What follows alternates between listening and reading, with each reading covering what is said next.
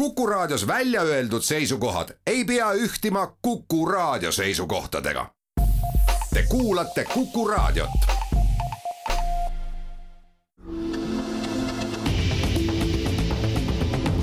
kahevahel, kahevahel, valimisstuudio kahevahel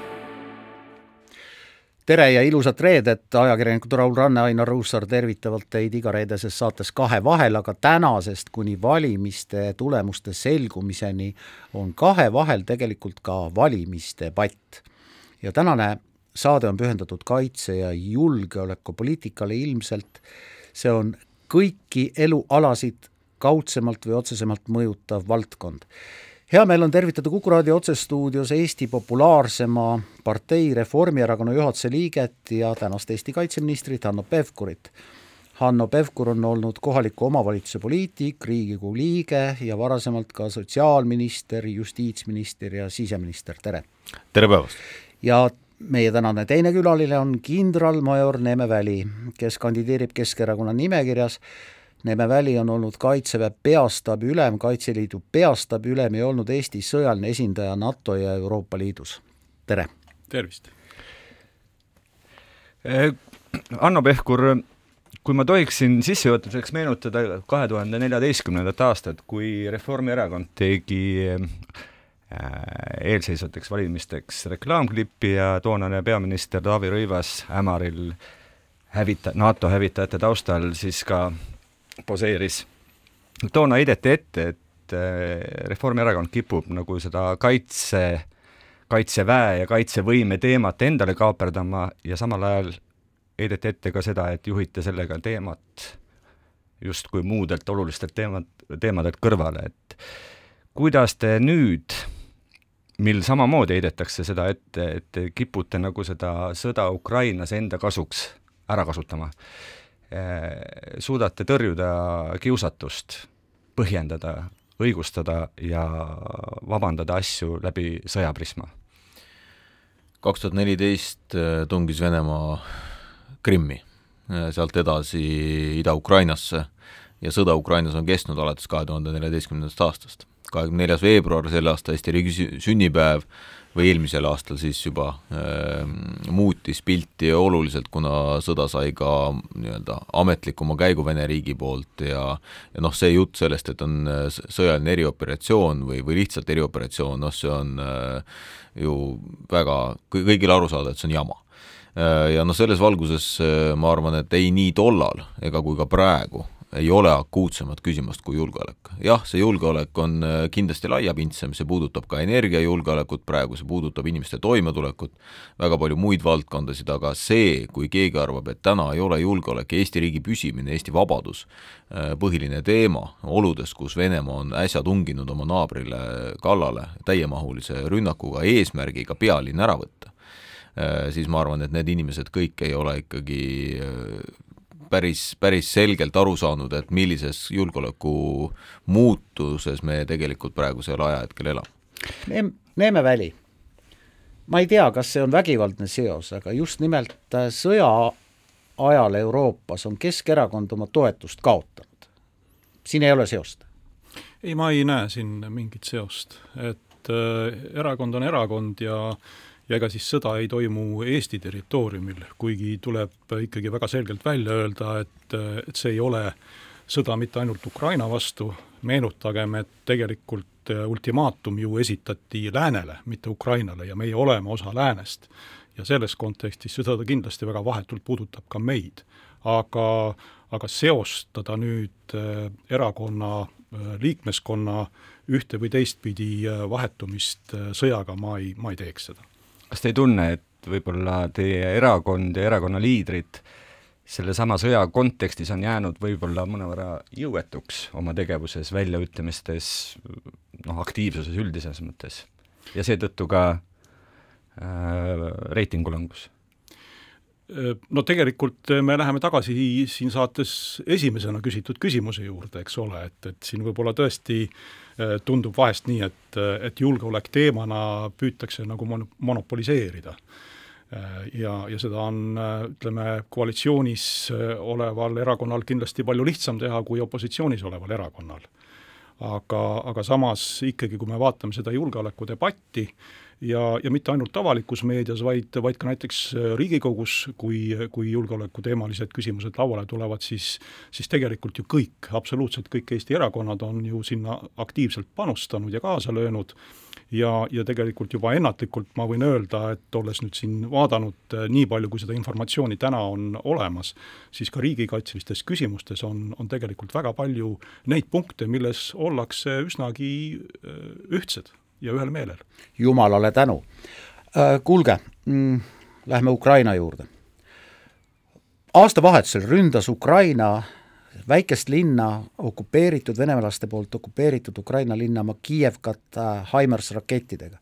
see on üks musternäide Venemaa logussüsteemist. rivist viidi välja üle saja Vene sõjaväelase, üle kaheksakümne, peaaegu üheksakümmend sai neist surma sõjaväelased elasid laskemoona lao kõrval. Nad rääkisid mobiiltelefonidega, mis on ideaalne sihtmärk, keegi neid ei keelanud. miks me peaksime sellist loguriiki kartma, Hanno?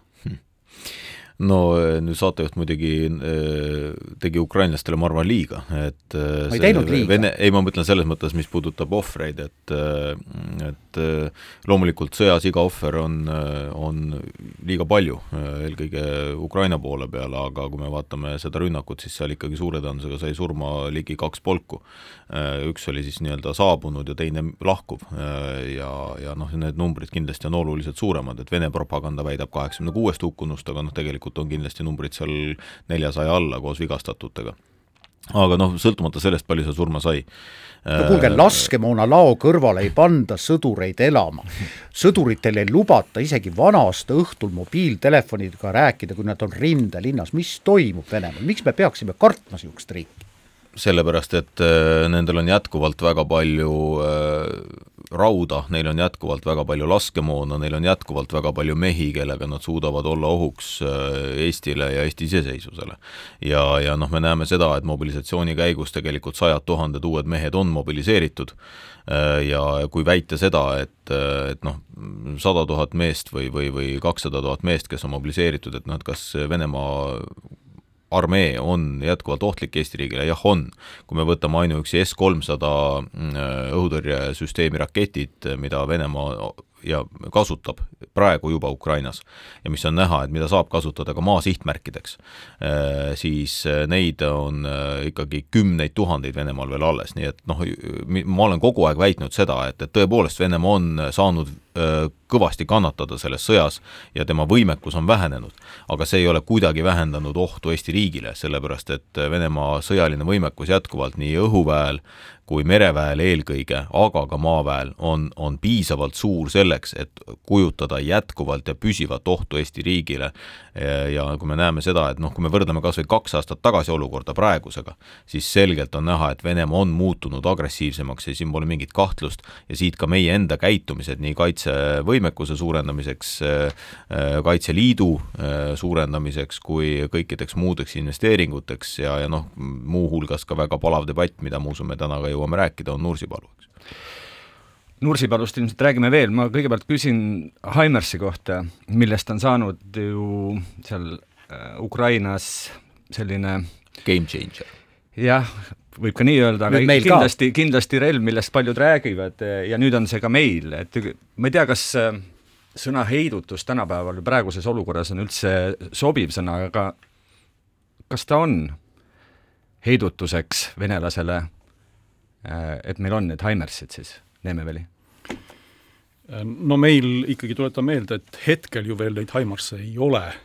et, et äh, ja, ja ma ei oska, kindlasti Hanno teab, et mitu relvasüsteemi meil üldse siis täna füüsiliselt siin Eestis kohal on, sest et siin on ajakirjanduses kirjutatud ka nii, et see on ainult üks, üks relvasüsteem, mitte üksus, mina seda ei tea, aga aga relvasüsteemina kindlasti ta on väga tähtis ja, ja eriti oluline on just see, et ta pikendab meie tuleulatust äh, väga palju.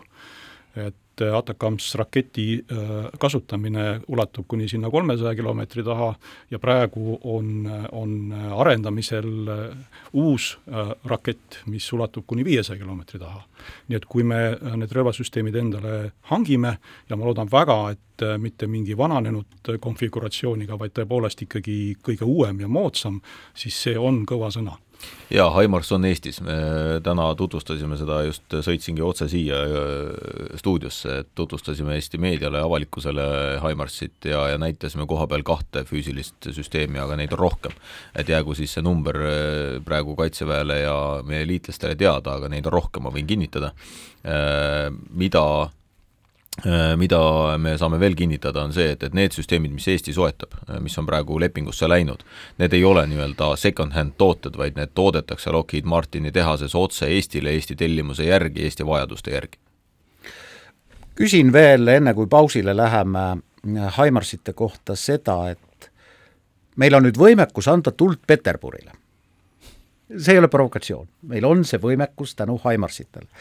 aga Haimarsil Aimars on vist selline relv, millega saab ka täpselt lasta, erinevalt teie poolt mainitud S kolmesajast, mis on kakskümmend viis ja rohkem meetrit pikk rakett, ja mitte eriti täpne, siis Haimarsiga ei ole vist võimalik niimoodi, et sihin, ma ei tea, kroonlinna, aga taban kogematu, kogemata Ermitaaž. ei, seda ei ole võimalik, Haimarsi lasketäpsus noh, nii-öelda naljaga, noh nalja, mitte naljaga, noh ütleme ülekantud tähenduses võiks öelda, et on võimalik lasta kuuekümne kilomeetri pealt ämbrisse et eh, noh, pluss-miinus kaks meetrit on see lasketäpsus isegi noh, aga see on nii-öelda maksimaalne viga, tegelikult on see, nagu ma ütlesin, ikkagi selline meetrise täpsusega laseb eh, Haimars kuuekümne kilomeetri kaugusele. Eh, aga see pole veel kõik, Haimarsit arendatakse niimoodi edasi, et noh, mis, mis jällegi meie julgeolekut väga mõjutab, on F kolmkümmend viis, soomlased on soetamas endale F kolmekümne viie hävitajad ja, ja Haimars ja F kolmkümmend viis toodetakse ühes tehases. ja, ja süsteeme arendatakse niimoodi, et seesama F kolmkümmend viis saab tegelikult sihtmärgi koordinaadid anda õhust otse Himarsile ja see tulejuhtimine käib sealtkaudu. nii et tegelikult on ülikeerulise, ülitäpse süsteemiga tegemist ja, ja loomulikult äh, see tähendabki seda, miks see heidutus, mida siin saatejuhid küsisid, on äh, siiski väga oluline ja miks venelased seda süsteemi tegelikult kardavad. Ja ta on ülimobiilne, sa lased oma kuus äh, kassetist kuus raketti minema ja sa oled tegelikult kümne sekundi pärast läinud sellest kohast, kus sa selle lasu tegid ja sa ei tea, vaenlane ei tea, kus on uus koht, kuhu ta nii-öelda maha tuleb. nii et äh, või, või äh, ennast siis laskepositsioonile seab ja ka laskepositsioonile seadmine võtab aega seal mõned, noh, täna me demonstreerisime põhimõtteliselt sellest hetkest, kui auto seisma jäi, oli süsteem valmis kümne sekundi pärast tulistama, tulistab raketid välja ja kümne sekundi pärast oli ta läinud. nii et selles mõttes tegemist on väga vinge relvaga ja, ja kindlasti nii heidutuseks kui reaalseks kaitsevõimeks ja ka, ja kaitse mõjutuseks väga oluline. teeme siin väikese pausi ja siis jätkame. kahevahel.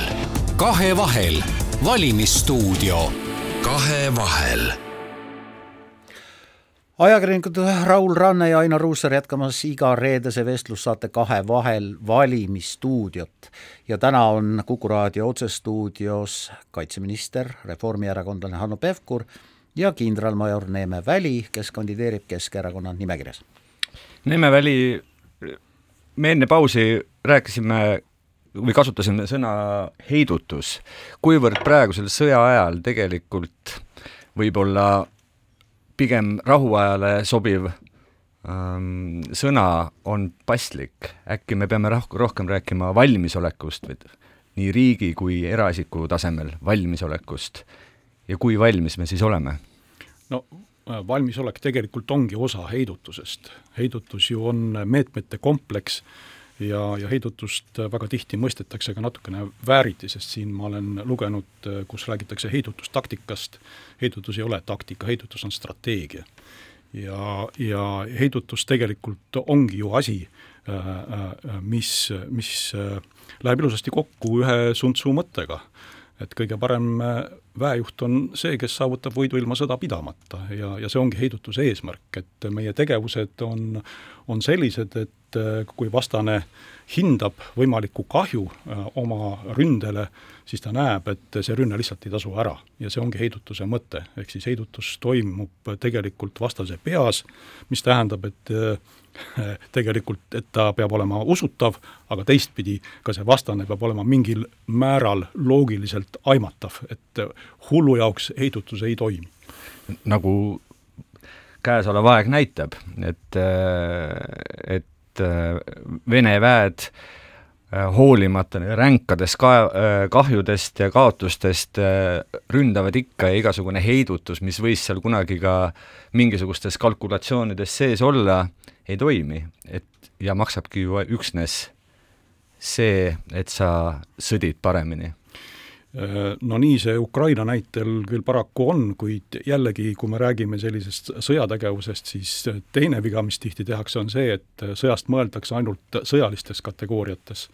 aga iga sõda ei hakka mitte sõjalisest tegevusest, vaid poliitilisest otsusest, ehk siis me peame mõtlema sellest ka poliitilises dimensioonis. ma tohin ühe lause siiski öelda veel lisaks, et heidutus selles mõttes loomulikult toimib, et väga suur heidutus on see, et me oleme NATO ja Euroopa Liidu liige et äh, see heidutus, et meil on liitlased selja taga, äh, toimib päris kenasti ja jõuliselt ja see sõnum, et äh, meiega koos on siin näiteks kolm tuumariiki, nii Prantsusmaa, britid kui Ameerika Ühendriigid ja väga, väga tugevalt on siin, siis see on ikkagi Kremlile väga kõva sõnum, et ei ole vaja torkida oma näppe ja nina sinna, kus, kus on sellised liitlased. Läheme Moskvasse ka eks ole ju. ja läheme Moskvasse sellepärast, et äh, Venemaa on kuulutanud osa Ukrainast oma territooriumiks, noh, Krimmi ja osa Ida-Ukrainast, seda ei ole küll rahvusvaheliselt tunnustatud, kuid Venemaa peab Ukraina sõda ka kaotades neid kaotusi kuidagi põhjendama.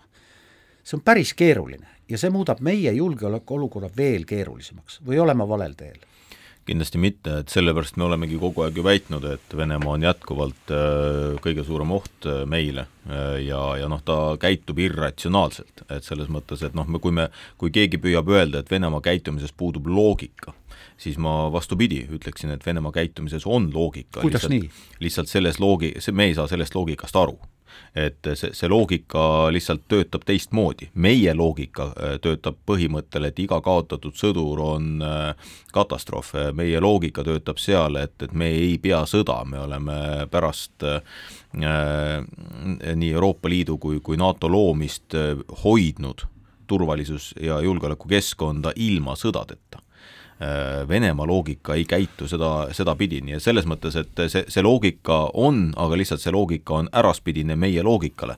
meie õnn on see, et meie saame sellest aru ja me püüame oma liitlastele kogu aeg seda rääkida ja noh, kui te meenutate eelmise aasta äh, sõja puhkemise järgseid jutte, siis oli küll ja küll Euroopas neid liidreid, kes ütlesid, et me oleks pidanud Eestit rohkem kuulma võtta. Neeme Väli, ikkagi ei saa aru, noh Tambovis või Novorossijskis või Prostokvašinos elavad vene emad tunnevad ja mõtlevad ju samamoodi nagu kõik emad maailmas. aga kuidas see Venemaa siis nii teistmoodi no aga ma väidan praegu seda, et, et Tambovis ja Prostokvašinos elavatest vene emadest täna tegelikult ükski poliitiline otsustaja Venemaal ei sõltu.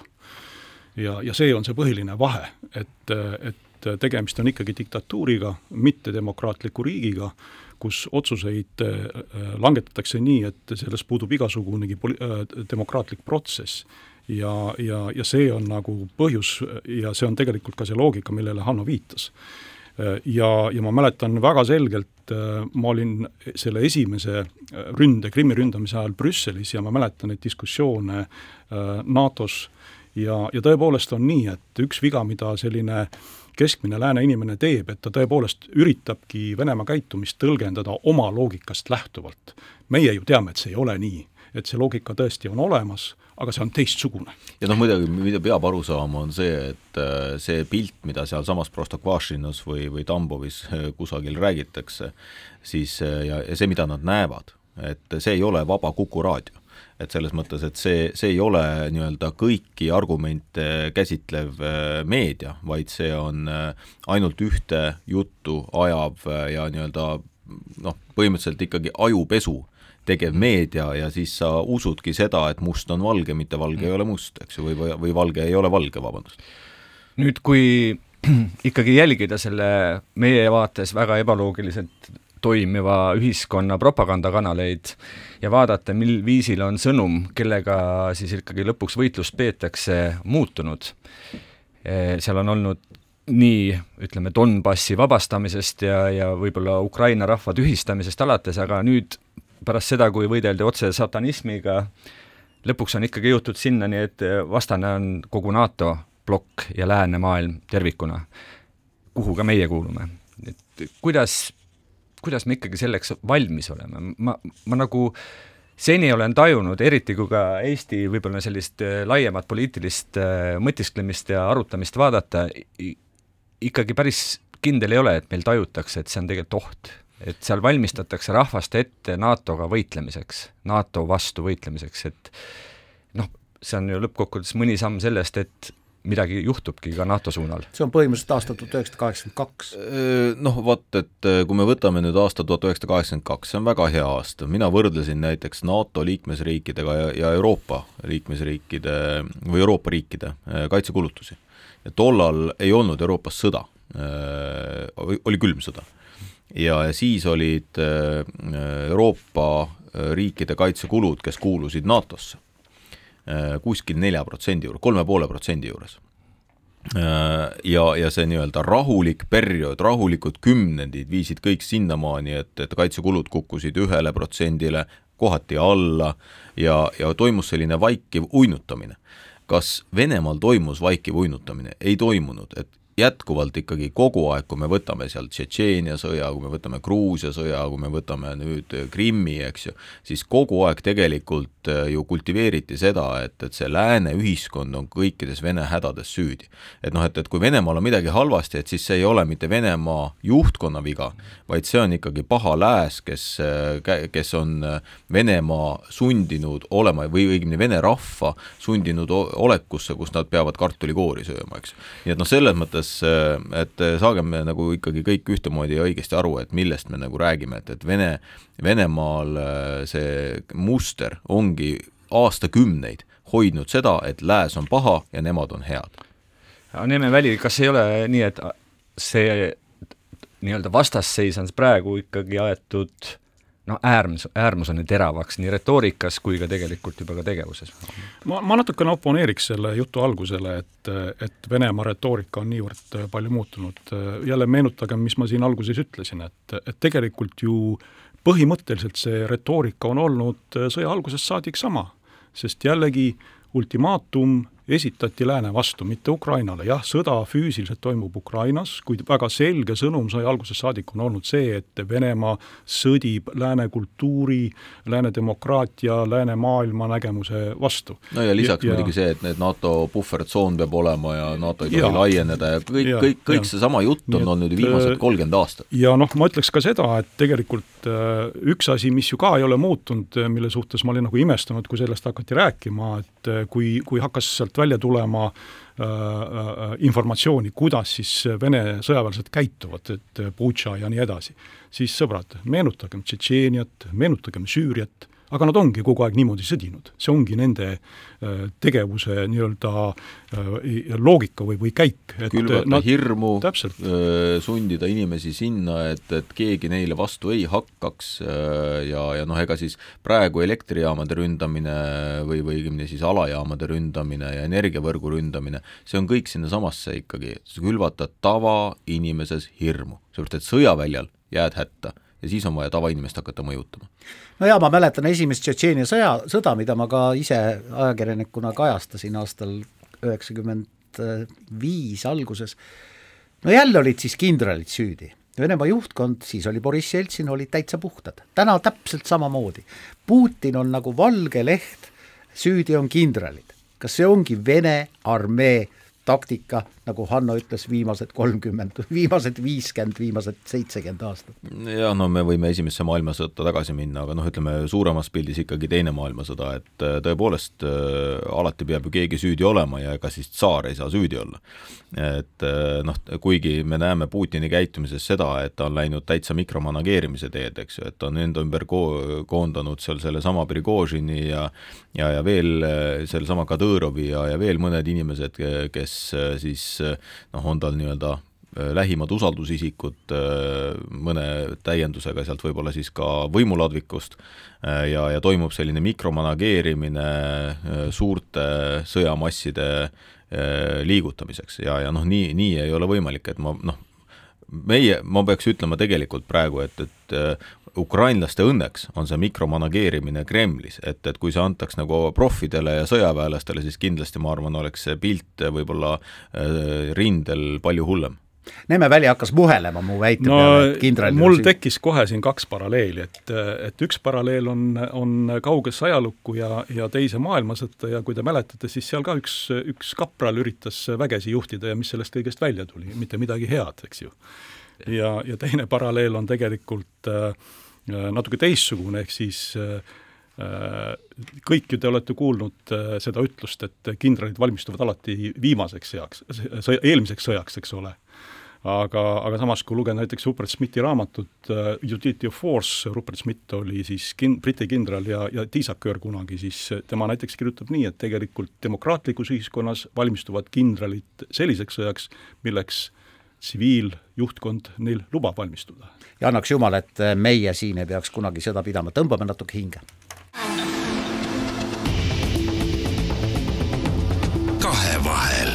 Kahevahel, valimisstuudio. kahevahel Ranne ja Ruussaar jätkavad vestlussaate Kahe vahel valimisstuudiot ja meie külaliseks on täna kaitseminister Hanno Pevkur ja Keskerakonna nimekirjas kandideeriv kindralmajor Neeme Väli.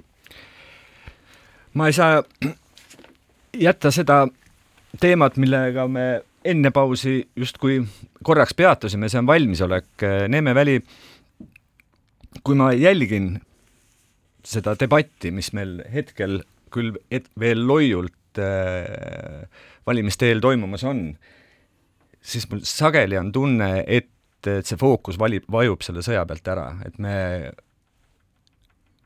kipume unustama, et sõda käib ja, ja hakkame purelema sisepoliitiliste mingisuguste võib-olla üksikasjade üle. kas teil ei ole sama hirmu? Ei, mul on natuke teistsugune hirm, et et ma arvan, et see, et sõda käib, on, on kõigil väga selgelt meeles, sest kuidas siis muud, muidu seletada seda üsnagi suurt üksmeelt näiteks selle kohta, et kaitsekulud peaksid olema vähemalt kolm protsenti sisemajanduse koguproduktist, et vähemalt mul on jäänud niisugune mulje, kui ma, kui ma loen seda informatsiooni, mis on, mis on saadaval. Ja, ja tihti siis me, sellele järgneb siis selline pikk loend, et kui palju, mida me oleme soetanud või, või lepingutega katnud või või mitu toru on tulemas või, või mis laskemoona ja nii edasi, nii edasi, nii edasi, et selline pikk shopping list nii-öelda siis tavaliselt järgneb sellele. Äh, samas äh, minu arvates me peaksime vaatama ka äh, riigikaitset kui süsteemi tervikuna, kuidas ta funktsioneerib, kuidas teda juhitakse, mismoodi on ta üles ehitatud ja kas see kõik vastab täna muutunud julgeolekule. Ja vot seda debatti ma väga ei näe, et see on minu nagu selline oi, debatti on siin küll ja veel, Martin Helme, EKRE esimees, ütles mõned päevad tagasi Kuku raadio saates Sihik, et see arv Ukraina põgenikest, slaavikeelseid elanikke, kes siia on tulnud, ohustavad otseselt meie julgeolekut no just nimelt, vaata, et noh, nagu see ongi see, et ma vaatan ka mingisugust reklaami ja no, no ma tahaks öelda nagu ühe kunagise kuulsa lause, et tule taevas appi. et noh, kuulge sõbrad, et noh, et äh, mi-, millest me räägime, et meil on äh, tegelikult äh, siin noh, suurenenud ukrainlaste arv, tõepoolest, kas need ukrainlased tulid siia vabatahtlikult? Ei tulnud, nad tulid pakku sõja eest, mida meie saame neile pakkuda. Äh, ja, ja selles mõttes äh, noh, minu arvates kogu see viimine, noh vot, see on nagu ilmekas näide tegelikult see, et, et kus tegelikult, tegelikult probleemilt, et sul on tegelik probleem on julgeolek äh, ja sõda Ukrainas, mille tulemusel meil on energiahinnad kõrged, mille tulemusel on meil siin ju Ukraina põgenikud, et seda püütakse nüüd öelda, et oi, meil on suur immigratsioonilaine. Teie väitel on... Martin Helme eksitab Eesti avalikkust? ilmselgelt, et selles mõttes, et kuulge, Äh, näidake mulle üks ukrainlane, kes on ohustanud Eesti julgeolekut. ma ütlen vastupidi, nad on suurendanud Eesti julgeolekut, sellepärast et see viies kolonn, kellest siin on kogu aeg räägitud, need venelased, kes siin on, et kui meil on nüüd Ukraina diasporaa, võrdne peaaegu Vene diasporaaga, siis mina julgen väita, et noh, näidake mulle üks ukrainlane, kes on täna valmis venelasele hästi ütlema ehk see on suurendanud märkimisväärselt Eesti julgeolekut, et need ukrainlased siin on, aga me teame ka seda, et valdav enamus neist, valdav enamus soovib ju koju tagasi minna, ehitada üles oma riiki ja, ja minna koju tagasi kõik me tahame minna koju tagasi, nad ei soovi siia jääda. nii et öelda, et ukrainlased kuidagigi on ohuks Eesti julgeolekule, vabandust, see on totaalne jama. Neemeväli, kas Hanno Pevkuril on õigus või teeb ta järjekordse katse kaaperdada nii-öelda kogu see kaitse, kaitsevõime teema Reformierakonnale ja, ja noh, ütleme ka EKRE arvamused sel teemal ei pea paika või on ikkagi EKRE-l omad head mõtted ka? No ma arvan, et igal erakonnal on nii häid kui halbu mõtteid, et ma ei tõmbaks siin küll väga selget vahet äh, sisse. Ja teistpidi, mida ma seda diskussiooni nüüd kuulates äh, ka ütlen, on see, et minu arvates me ei saa Äh, märgistada kedagi sõbra või vaenlasena pelgalt äh, selle läbi, et kas ta on hiinlane, venelane või, või, või ukrainlane või kes iganes, sest, äh, sest näiteks üks suurimaid Eesti patrioote, keda mul oli au tunda, kes kahjuks täna on manalamees, tema nimi oli Boriss Krõlov väga,. väga-väga äge mees äh,, oli äh, siis äh, valge kaartlasest ohvitseri poeg, oli Eesti ajal noorkotkas, sõdis kahekümnendas diviisis ja oli üks Kaitseliidu taastajaid Lääne-Virumaal. nii et, et ma ei tõmbaks siin, ma ei, ma ei üldistaks nagu rahvuse pinnal mitte, mitte kedagi. Ja, ja teistpidi, kui me nüüd räägime näiteks äh, reeturitest, siis noh, tulevad sellised nimed nagu Herman Simm, kes ilmselgelt ei olnud ei ukrainlane ega venelane. nii et see ikkagi sõltub mitte rahvusest, vaid kellega meil konkreetselt on tegemist. mehed, üks äh, väga tõsine küsimus, viitan Kaitseväe juhataja kindralleitnant Martin Heremi postitusele sotsiaalmeedias. Herem kirjutas paari päeva eest. mis saab siis, kui Venemaa koondab õppuste jutumärkides sildi all meie piiride, piiridele, kakssada kilomeetrit on meil umbes Venemaaga piiri, tuhat tanki, neli tuhat soomukit, tuhat suurtükki ja sada tuhat sõdurit. kaitseväe juhataja postitusest on need tsitaadid võetud, mis siis saab, mehed?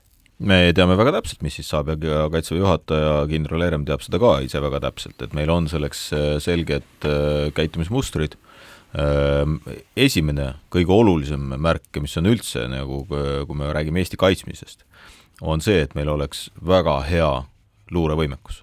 ilma luureta tänapäeval ei ole võimalik sedasama ka valmisolekut, mida siin kaassaatejuht mainis, valmisolek saab olla ikkagi selleks, et kui vastane tuleb, siis me oleme selleks kohe valmis. Ja üks, mis on selge, Eestit hakatakse kaitsma esimesest meetrist ja see on ka nagu põhimõte, mis on nagu NATO-s muutunud, et äh, kui me räägime ka oma liitlastest, et me oleme suutnud läbi viia selle mõttemuudatuse äh, NATO-s, et me ei räägi sellest, et noh, et, et umbes, et näed, et venelane võib tulla ja siis me hakkame teda välja lööma, vaid me ei lase teda üldse liikuda Eesti peal. Nüüd see, et me oleksime valmis, siis selleks, noh, kui me räägime nüüd jälle natukene sellist nii-öelda kaitsevaldkonna juriidikat, siis see tähendab kaitse, esimeses järjekorras kaitsevalmiduse tõstmist Äh, ja kaitsevalmiduse tõstmine kaitsevalmisolekut on võimalik juba siis nii-öelda üsna kiiresti teha ka Kaitseväe juhatajal ise, seejärel tuleb ta Vabariigi Valitsusse ja seejärel on võimalik välja kuulutada näiteks siis äh, äh, vajadusel näiteks lisaõppekogunemine või reservõppekogunemine või on võimalik välja kuulutada juba läbi siis kaitsevalmiduse tõstmise juba mobilisatsioon ja nii edasi, nii edasi, seal on noh, ütleme, see, see, mida teha see on teada. nüüd on see, et, et et kas me, ütleme, suurem, mida ka kindral Herem ja mida me oleme siin korduvalt rääkinud, on see niinimetatud jojo efekt, mida venelased kindlasti noh, ütleme nende jaoks ei ole probleem hoida sada tuhat sõjaväelast näiteks Luga polügoonil.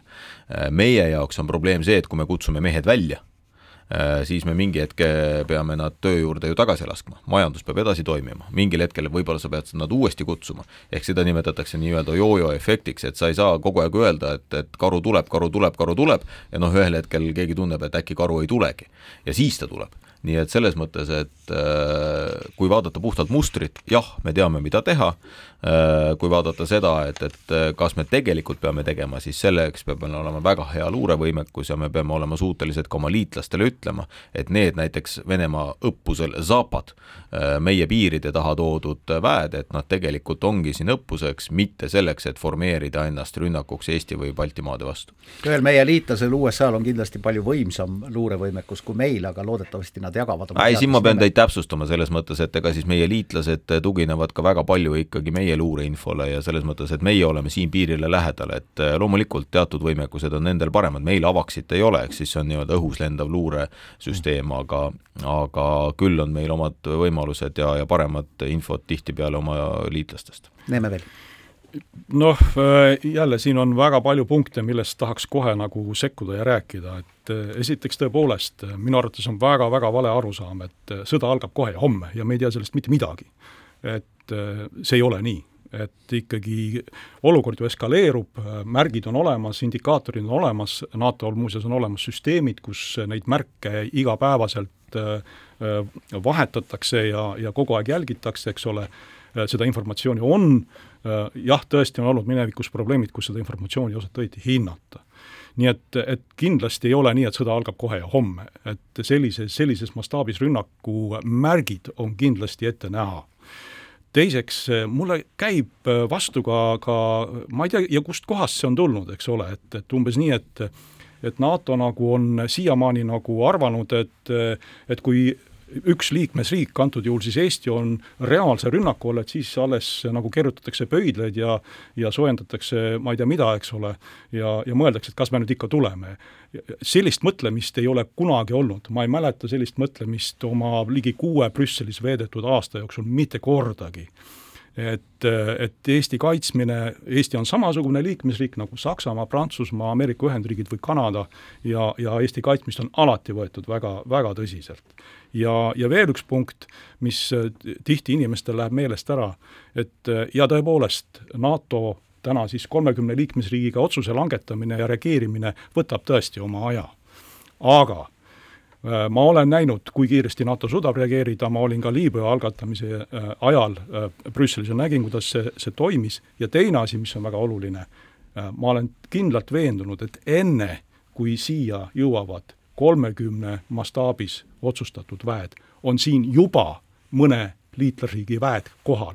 ehk siis ärgem alahinnakem ka neid bilateraalseid suhteid, mida Eesti on sõlminud NATO raamistikus samas, kui ma minister Läänemetsa mõtisklu-, mõtisklus teemal varjendid või varjumiskohad äh, nägin ja seal nii-öelda mainiti, et noh, Helsingis leidub meilegi kohta, siis mulle tundus, et see on nagu üks näide sellest, et me liiga palju ehk loodame partneritele, äh, naabritele ja mitte nii palju iseendale või, või millegipärast rahustame ennast sellega, et meil on partnerid ja naabrid, kes on kõik teinud selleks ja on valmis ja ikkagi ma jõuan ta-, ringiga tagasi, et mis me ise teeme. kuivõrd, kuivõrd, mida, küsin teistpidi, mida me ei tee praegust, aga peaksime, teie arvates? No seda ma juba tegelikult ütlesin, et, et lisaks äh, torudele ja tonnidele laskemoonale äh, me peaksime ikkagi vaatama riigikaitset kui tervikut äh, süsteemina, et kuidas ta toimib, kui kiire ta on reageerima, kas see on adekvaatne, kas inimesed, kes on riigikaitse sees ja panustavad, on motiveeritud piisavalt, on meil siin mingisuguseid kitsaskohti ja neid kindlasti on. Et süsteemsemalt lähenema, pluss äh, kindlasti ka Ukraina kogemusele tuginedes me ei kaitse ju ainult äh, sõjaväge, me kaitseme tervet riiki, me kaitseme kõiki inimesi, kes siin on. nii et ka elanikkonnakaitse, riigikaitsele lai lähenemine on, on väga aktuaalne ja sellele tuleb tunduvalt rohkem tähelepanu pöörata. ma võib-olla selle elanikkonnakaitse koha pealt, et noh, ma saan aru, et siseminister peab seda tegema ja rääkima, eks et aga noh, elanikkonnakaitse puhul ja noh, kui me räägime konkreetselt varjenditest, siis kõige paremad varjendid on ja kõige kiiremini kasutatavad variandid on, on inimeste nii-öelda kortermajade all olevad keldrid. mingi aeg me, meil ei olnud seda nõuet, et sa pead ka keldri projekteerima, ma arvan, et noh, see debatt kindlasti on vaja läbi pidada, et noh, et kas näiteks elumajade ehitamisel tuleb, e-, kortermajade ehitamisel eelkõige, tuleb äh, sisse projekteerida ka keldrid. või maa-alune garaaž. Äh, või maa-alune garaaž, et selles mõttes pole vahet, et noh, miskit, mis nii-öelda siis ka pommitabamuse saamisel äh, või raketitabamuse saamisel nii-öelda päästab su elu, et sa ja, ja noh, kelder päästab. nii et noh, kujutame ette, et noh, et, et, et ei ole mõtet lihtsalt helist-, ehitada pommivarjendit, et me, meie Eesti puhul tegelikult esimene, noh, see on kõik läbi käidud, et esimene on see, et, et meil on varjumiskohad, mitte varjendid, et noh, tegelikult hajutada ennast me saame liikuda välja, teiseks see, et et, et just nimelt peaksidki olema kortermajade all nagu keldrid, need, mis on vanast ajast olemas, me teame, et seal on keldrid all, uutematel ei ole, ja ka, ja ka siis parkimiskohad on ehitatud nii-öelda esimese ja teise korruse peale, et ja sealt alates on, et, et noh, keldri ehitamine on mõnevõrra kallim. aga noh, need on need asjad, mis me peame läbi vaidlema, kas see nõue tuua tagasi või mitte, nii et et ka see elanikkonnakaitse koha pealt, noh, seal on väga palju veel muid teemasid, eks ju, et mis vanas heas mõistes tsiviil tsiviilkaitset puudutavad, et äh, küllap äh, see ühiskond on ühel päeval valmis ka arutama seda, et tõesti, kas näiteks sellised nõuded tuua tagasi või mitte. teeme veel ühe pausi ja siis jätkame. kahevahel. kahevahel, valimisstuudio. kahevahel. jätkame saadet, äh, stuudios on ajakirjanikud Raul Ranne ja Ainar Ruussaar ning saatekülalisteks Eesti kaitseminister Hanno Pevkur ja kindralmajor Neeme Väli. härra Pevkur ja härra Väli, Keskerakond on olnud võimul, Reformierakond on praegu võimul olnud, varem võimul, Keskerakond võib-olla saab ka kunagi võimule, öelge mulle palun, miks kõigis Eesti koolides ei ole kohustuslikku riigikaitseõpetust, miks pagan võtaks ei ole? No vot, see on väga hea küsimus äh, selles mõttes, et äh, kui vaadata julgeolekuolukorra muutust, siis äh, meie oleme sellele selgelt reageerinud, Reformierakond on kirjutanud programmi, et riigikaitseõpetus peab olema kohustuslik kõikides koolides. Miks ta senini ei ole olnud, peamiselt ma julgen arvata siiski sellest samast julgeolekuolukorrast tervikuna lähtuvalt, et me oleme olnud ja elanud rahus, ilma sõdadeta, ilma reaalsete konfliktideta. aga mõnes koolis ju on olnud. mõnes koolis ta ongi olnud vabatahtlikuna ja mitte ainult mõnes koolis, ta on väga paljudes Eesti koolides ja, ja need riigikaitseõpetajad, kes meil täna on, teevad suurepärast tööd, meil on ja, ja me teeme seda selles mõttes, noh, me näeme, mida me näeme, meil on olemas statistika, et need riigikaitse õpetuse ja riigikaitseõpetajate mm, siis mm, õpilased, kellel on väga hea riigikaitseõpetaja, kellel kool soodustab seda, kes aitab kaasa läbi viia riigikaitselaagreid, et siis sealt klassidest tullakse selliste suurte puntidena ka ajateenistusse, vabatahtlikult, nad tulevad, ütlevad, me tahame kõik koos tulla, me tahame kõik koos minna näiteks Kuperjanovi pataljoni või me tahame kõik koos minna skaudiks, eks ju. et selles mõttes, et, et seal sa nagu näed seda, et, et sellel on otsene mõju noore karjäärivalikule. nüüd need, kus on võib-olla natukene äh, siis äh, vaja riigikaitseõpetajal äh, vaadata ka täiendavalt näiteks pedagoogilisi oskusi või, või kus see, kus õpe, õpilased ei ole nii palju rahul, noh, me küsime ka õpilaste käest tagasisidet, kus õpilased ei ole rahul, seal me näeme ka, et õpilased ei tule ajateenistusse liiga nii-öelda siis vabatahtlikult. ehk see jah, me oleme sügavalt veendunud, et riigikaitseõpetus peaks olema kohustuslik, aga sellele, kui sa ütled A, peab ütlema ka B ja see B on see, et, et me peame tõstma ka riigikaitseõpetajate taset ja me peame andma võimaluse siis eh, koolidel ka riigikaitselaagrite läbiviimiseks, näiteks üks takistus on siin see, et et seda ei taheta teha suvel, kui on õpilastel tegelikult vaba aeg, aga samas jälle kooliprogramm ei võimalda sul neid kaheks-kolmeks päevaks metsa viia, mida sa peaksid tegema, nii et selles mõttes, et eh, tehnilise poole pealt pealt ja sisulise poole pealt vajab see veel äh, Haridusministeeriumiga läbivaidlemist, kõik tahavad. kehalise kasvatuse õpetajad tahavad tunde juurde ja matemaatikud tahavad mõnikord tunde isegi juurde. keemiaõpetaja isegi keemiaõpetaja tahab, et, et sa oled ise ju pedagoog olnud, eks ju, et tead väga täpselt koolis, mis toimub. nii et selles mõttes, et see, et see, see on tegelikult kõikide ainete vaheline võitlus ühest küljest, aga teisest küljest julgeolekuolukord on nii palju muutunud, et me peame aru saama, et, et seesama kas, kas või elementaarsed teadmised elustamisest, sellest, et sul peab olema seitsme päeva toiduvaru kodus, et mm. kuidas puhast vett saada, elementaarsed teadmised, et neid tuleb rohkem anda.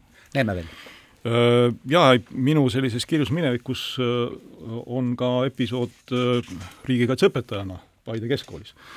nii et, et see kogemus on täitsa olemas ja toona päris, päris siis alguses, et ma mäletan, et suur probleem oli näiteks selles, et kõik asjad pidid olema päris, sest teisi asju lihtsalt ei olnud, mida siis tuli näidata õpilastele.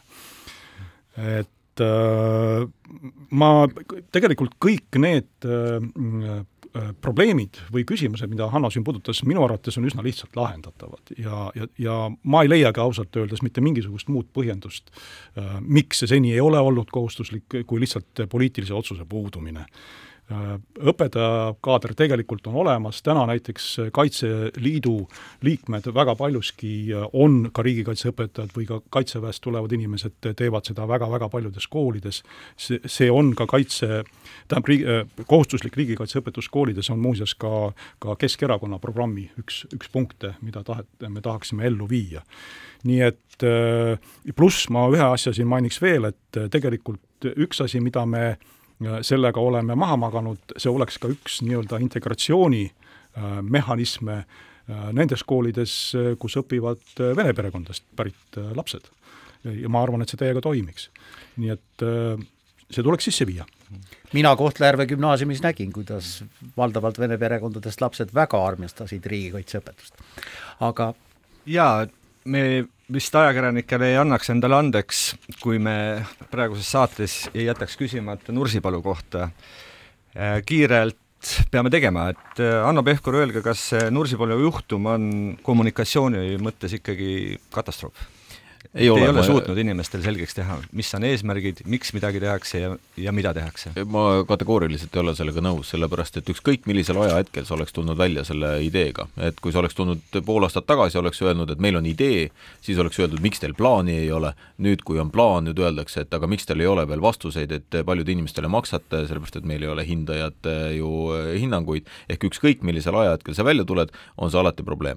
asi hakkab pihta ikkagi sellest, et tuleb defineerida nagu tegelik küsimus küsimus on selles, et kas Eestil on vaja täiendavat harjutusväljakut või mitte. kui meil on siin liitlased, kui meil on siin enda teise brigaadi soomustamine kõik muu ja meie oleme selgelt välja öelnud, et jah, seda on vaja, äh, ma näen, et Keskerakond ei ole seda välja öelnud, eks ju, et võib-olla Neeme täna ütleb, et mul oleks väga hea meel, kui Neeme selle välja ütleb, et jah, seda on vaja, äh, siis äh, on võimalik nende inimestega ka tõesti kokkulepped leida, ma näen, et EKRE on sellele vastu, sellepärast et EKRE volikogu esimees, Rõuge vallavolikogu esimees härra Kuklane tuliselt võitleb sellega, mina küsiks ka EKRE käest, et kuulge, kas te olete siis riigikaitse arendamise poolt või vastu, nii et kui Neeme ütleb, et ta on ka selle poolt, siis järelikult poliitiline poliitiline tahe on olemas ja siis saab juba hakata rääkida inim-, rääkima inimestega. Neeme Väli hästi lühidalt. mina arvan seda, et äh, ma küll ausalt öeldes ei mäleta ühtegi erakonda, kes oleks nagu väga raudkindlalt väitnud, et äh, Kaitseväele harjutusväljakuid ei ole vaja aga mida kõik on kritiseerinud, äh, on ikkagi see, et kuidas siis see kommunikatsioon toimus, kuidas äh, inimestega suheldi, kuidas kogukonda kaasati ja, ja kõik need sellised küsimused, nii et see on küll põhjustanud niisuguse tõsise tormi. aga mitte see, et, et Kaitseväel ei ole nüüd harjutamisvõimalust aga ütle, kas Keskerakond Nursipalu laiendamist toetab või ei toeta? Selleks ma tean liiga vähe Nursipalust, kindlasti Hanno, sul on mm. olemas see info, aga, aga siin on terve rida küsimusi, mida ma võiksin küsima ja millele mul täna vastust ei ole me võiksime siin seda saadet ja väga huvitavat debatti jätkata ilmselt viienda märtsi hilisööni ja veel edasi ka. aga ma tänan, et tulite täna otse stuudiosse rääkima kaitsepoliitikast ja kaitsevõimest, Hanno Pevkor ja Neeme Väli, Raul Ranne, Ainar Ruussaar tänavad, et kuulasite, kohtume järgmisel reedel.